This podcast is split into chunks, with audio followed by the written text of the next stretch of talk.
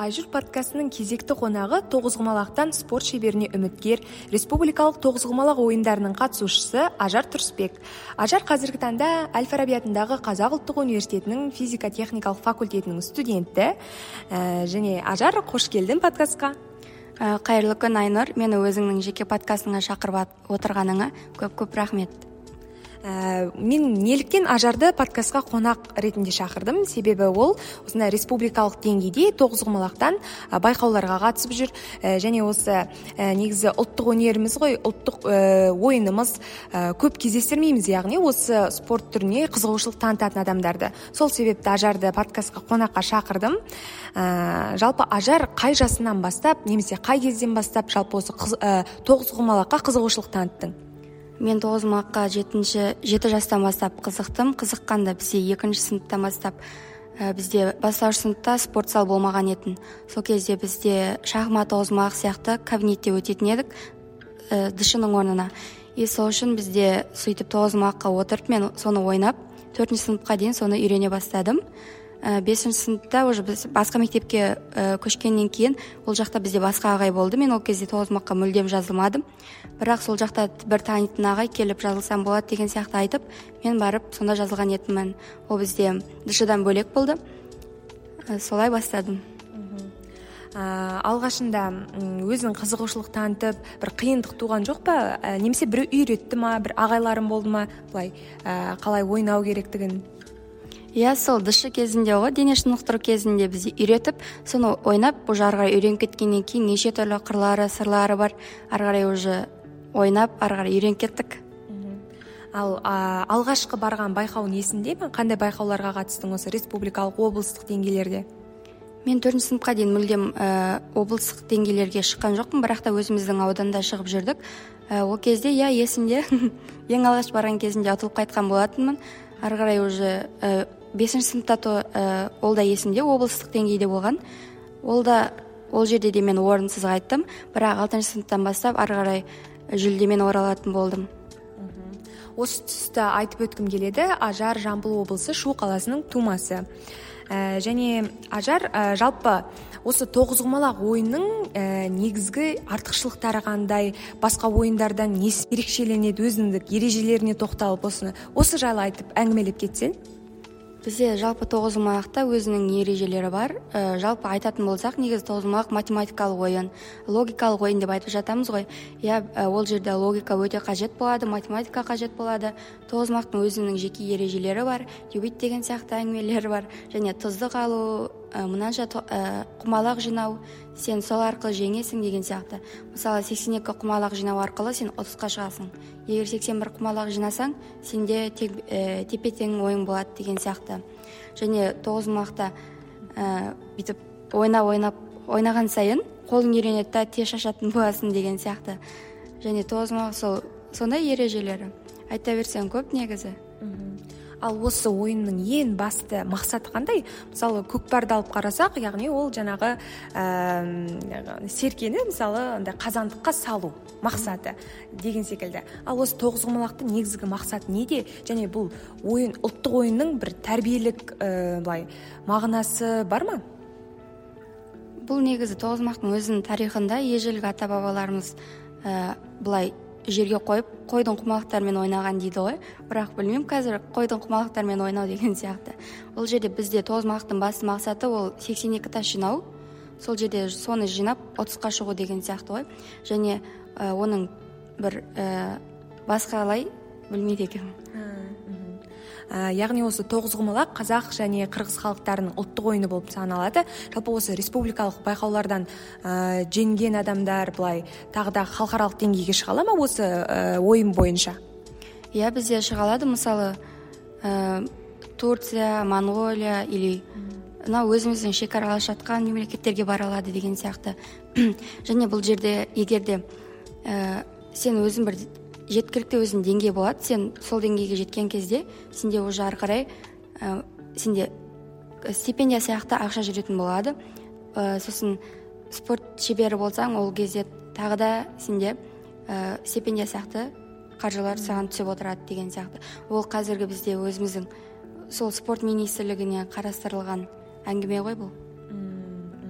Осы уақытқа дейін тоғызқұмалақтан еліміздің қай өңірлеріне барып байқауға қатыстың? Мен сол оңтүстік батыс шығыс демей ақ қояйын енді. Солтүстік бәріне барып көрдім. Мысалы павлодар астана мысалы былтыр астанаға бардық. Оның алдыңғы жылы павлодарға бардық. Осы кезде ақтауға бардық міне осы универсиадада. Және ә, көп қалаларға бардық. Соның ішінде бара алмай қалғандар бар орал деген сияқты қалаларға бара алмадық. Ал енді толығырақ осы жақында өткен ақтау қаласында өткен универсиадаға тоқталып өтсең ә, казудың атынан командалық ә, топтар барған болатын әртүрлі спорт түрінен осы тоғызқұмалақтан ә, қалай болды жалпы жарыс?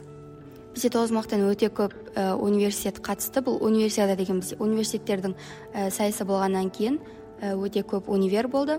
Және әрқайсысы мысалы қыздар командасы болса үш үш адамнан болды. Ұлдар командасы болса ол жерде де үш адамнан қатысты бізде. Және сол кезде бізде екі адам жүлдемен қайтты бірақ бізде командалық есепте орын болмады.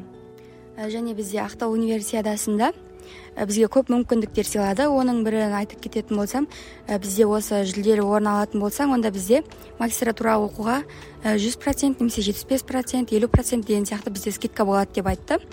Және осы кезде бізде тағы да айтып кететін болсам бізде өзінің формаларын берді. Арнайы спортсмендерге деп және ә, спортсмендерге деп арнайы жатақхана берді. Ә, тегін тұруға. Осы мүмкіндіктерді сыйлап жатқаныма сыйлап жатқанына осы казума рахмет ә, ректорға рахмет. Ә, келесі жолы бұйырса жеңіске жетеміз деген ойдамын. Тоғызқұмалаққа қызығушылығым бар. Жалпы осы салада бір үлгі тұтатын спортшыларың бар ма? Мен енді өзім танып келе жатқан осы ә, далиева деген кісі бар. Әсел деген ә, түркістан облысының ә, сол жақтың тумасы болып келеді. Ә, бізден біршама жас үлкен әпкеміз. Соның ойындарын бүйтіп қараған кезде соның ойындарын қарап ойнаймын. Ә, тағы да осындай өзімнің шеберлігімді арттыру үшін тағы не істейсің? Мысалы белгілі бір кітаптар бар ма бұл ойынға арналған немесе жаңағындай түсіндірмелі ә, бейне жазбалар бар ма ютуб желісінде дегендей? Мен өзім бірде бір ютуб жазбасын көрмеппін бірақ бізде сол ә, ойынның жазбалары болады. Мысалы жаңа айтып отқандай дарливаның өзінің кітабы бар деген сияқты. То есть ә, сол ойында жазылған кітаптар болады. Мысалы республикалық деңгейде болсын ә, сол ә, сол жердегі мысалы дюбит деп айтамыз ғой сонымен бірге ойнаймыз. Және де бұл жерде өзінің кітаптары бар негізі бірақ мен оларды қарамаппын. Және осы университетке келгеннен бері ә, тоғызқұмалағым одан сайын бүйтіп ойнау шеберлігім арта түскен сияқты. Себебі ә, сол қазіргі апайымыз өзімізге бүйтіп қатты үйретеді да. Сол үшін менде қазір қызығушылық артып жатыр. Ал бұрын менде қызығушылық болмай тек ә, жүретін солай қызығушылықсыз. Э, негізі өте керемет ойын. Ә, басқалардан қарағанда ерекше. Мысалы көп таралған мысалы футболға қызығатындар көп деген секілді. Ә, тағы да басқа да не деп айтса волейбол баскетбол бірақ тоғызқұмалақ шахмат деген бұл көбіне жаңағы логикаға жаңағы математикаға ақылға көбірек салатын ойындар. Ә, бұлар өте ерекше деп санаймын. Ал енді өзіңнің басқа қандай хоббиларың бар? Тағы бос уақытында немен айналысқанды ұнатасың? Менің негізі хоббиім деп айтатын болсам мен жаңа нәрселерді көп танығанды ұнатамын мысалы не істеп көрмедім соның бәрін істеп көргім келеді. Ә, мысалы маған серуендеу ұнайды ар жаққа барып. Ә, және хоббиім ретінде мен мысалы көп кино көремін мысалға айтатын болсам. Және бір нақты тұрақты түрде менің хоббиім жоқ ә, деп айта аламын. Сол ар жақ ә, ары бері серуендегенді ұнатамын ә, қалаларды аралағанды ұнатамын. Сол. Ә, ең сүйікті қалаң қай қала деп сұрақ қояйын? Енді қалай айтсам болады енді әрине бірінші орында өзімнің шуым. Екінші орында сол алматы астана. Ажар сен қазіргі таңда физика техникалық факультетінде білім алып жатырсың. Ә, болашақта осы мамандық бойынша жұмыс атқарасың ба? Иә мен қазіргі таңда физика техникалық факультетінің физика астрономия мамандығы бойынша білім алып жатырмын. Ә, мен негізгі осы факультетінде физика мамандығына түскім келген болатын научный ә, және ол кезде мен келген кезде ол жерде орын болмады деді да. Мен физика астрономияға түскен болатынмын. Және сен келесі семестрде ауысасың деген сияқты айтты бірақ бұл мамандығым өзіме сәл ұнап қалды. Сол үшін түстім бірақ та ә, ауыспадым яғни. Және болашақта мен ә, астрономик боламын деп айта алмаймын. Ә, болашақта оны көре жатармыз бірақ қазіргі таңда мысалы мен қазір айтатын болсам физика менің өзімнің ұнатпайтын сабағым. Бірақ сонда да физикаға түсіп алдым. Ә, білмеймін. енді болашақта көре жатармыз. Ә, жалпы физиканы неліктен таңдадың? Или ә, грант көп болған үшін ба? Или қандай себептер болды мысалы? Ә, менде ұбт да жинаған кезде менде ә, физикадан математика көп болды. Бірақ менде математикаға балл жетпеді. Мен сол үшін де ә, физикаға түстім. Бірақ сол ұбт да да сол физикадан төмен балл жинап қазірде бірақ енді чуть чуть миыма кіріп жатыр енді. Қазіргі таңда физика. ал сонда өзіңді қандай бағытта көресің? Болашақта қандай ә, салада қызмет атқарғың келеді? Мені негізі осы ұбт да пән таңдайтын кезде маған ә, өзім физмат неге таңдап алғанымды білмеймін. Маған негізі бүйтіп қарап тұрсам негізі сол филфак па немесе сол эконом. Енді екеуінің арақашықтығы үлкен ғой бірақ та сол мамандықтарда өзімді көре алатын сияқтымын. Бірақ мына физикада ә, білмеймін оны көре жатармыз. Ә, бұл сұрақты мен неге қойдым? Себебі бұл өте өзекті тақырыптардың бірі. Талапкерлер арасындағы түлектер арасындағы себебі өзінің ә, мамандығын ә, алдын ала жаңа қателесіп таңдап кейін ол ауысу жағдайлар көп болып жатады. Ә, бұның өзі бұл әсер етеді. Яғни адамға себебі бейімделеді орта бар дегендей таңдау бар ұбт бұның барлығы әрбір студентке әсер ететін белгілер факторлар болып табылады. Ал енді сен өзің қандай кеңес берер едің осындай өз мамандығынан жаңылмас үшін ә, басқа талапкерлерге. Ә, сен бірінші өзіңе не ұнайды соны біліп алуың керек. Қандай салада өзіңді көре аласың болашақта қандай салада өзің ә, кейін жұмыс істей аласың соны қарастыру керек. Ә, мен физма таңдаған кезде не жұмыс істерімді былай қарап тұрсам мұғалім деп ойладым тек қана. Енді сол мұғалім бағытта келе жатыр болашақта магистратура оқып енді ары қарай жұмыс істемесем ә, енді болашақ талапкерлерге мен айтарым не қалайсыздар соған түсіңіздер ә, біреудің қыстап түскендеріне түспеңіздер деп айтсам болады. Мені ешкім э, қыстаған жоқ. Бүйтіп а, сөзіме қарап отырсаңыздар. Өзім таңдап түскен пәнім. Ал енді осы тоғызқұмалаққа қызығушылығы оянайын деп жүрген осы спорт түріне қызығушылығы бар ә, жандарға қандай кеңес бересіз? Мысалы республикалық деңгейде жүрсің да ә, не айтар едің осы басында осындай осындай осылай дамытсаңыз болады ә, деген секілді. Мен негізі басында мүлдем ә, өзімді дайындап қатты бір ойнамайтынмын.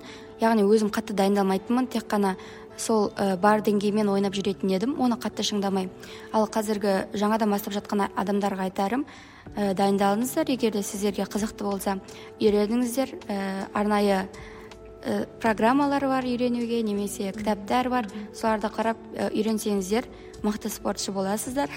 Мен сияқты бүйтіп қатты ойнамай емес нормально ойнап мен қазір бүйтіп қатты деңгейде болмағаннан кейін қазір шыңдалып жатырмын. Ә, бұрын қатты дайындалмайтынмын иә ә, мен саған жарайсың деп айтар едім. Болашақта осы тоғызқұмалақтан спорт шебері атанып ә, республикалық деңгейде өзіңді дәлелдейсің. Сол кезде тағы подкастқа шақырамын. Ә, ә, осындай шығармашылықтар табыс тілеймін. Жалпы спортта өсе бер. Сұхбат үшін тағы да рахмет. Ә, рахмет айнұр. Саған да шығармашылық табыстар тілеймін.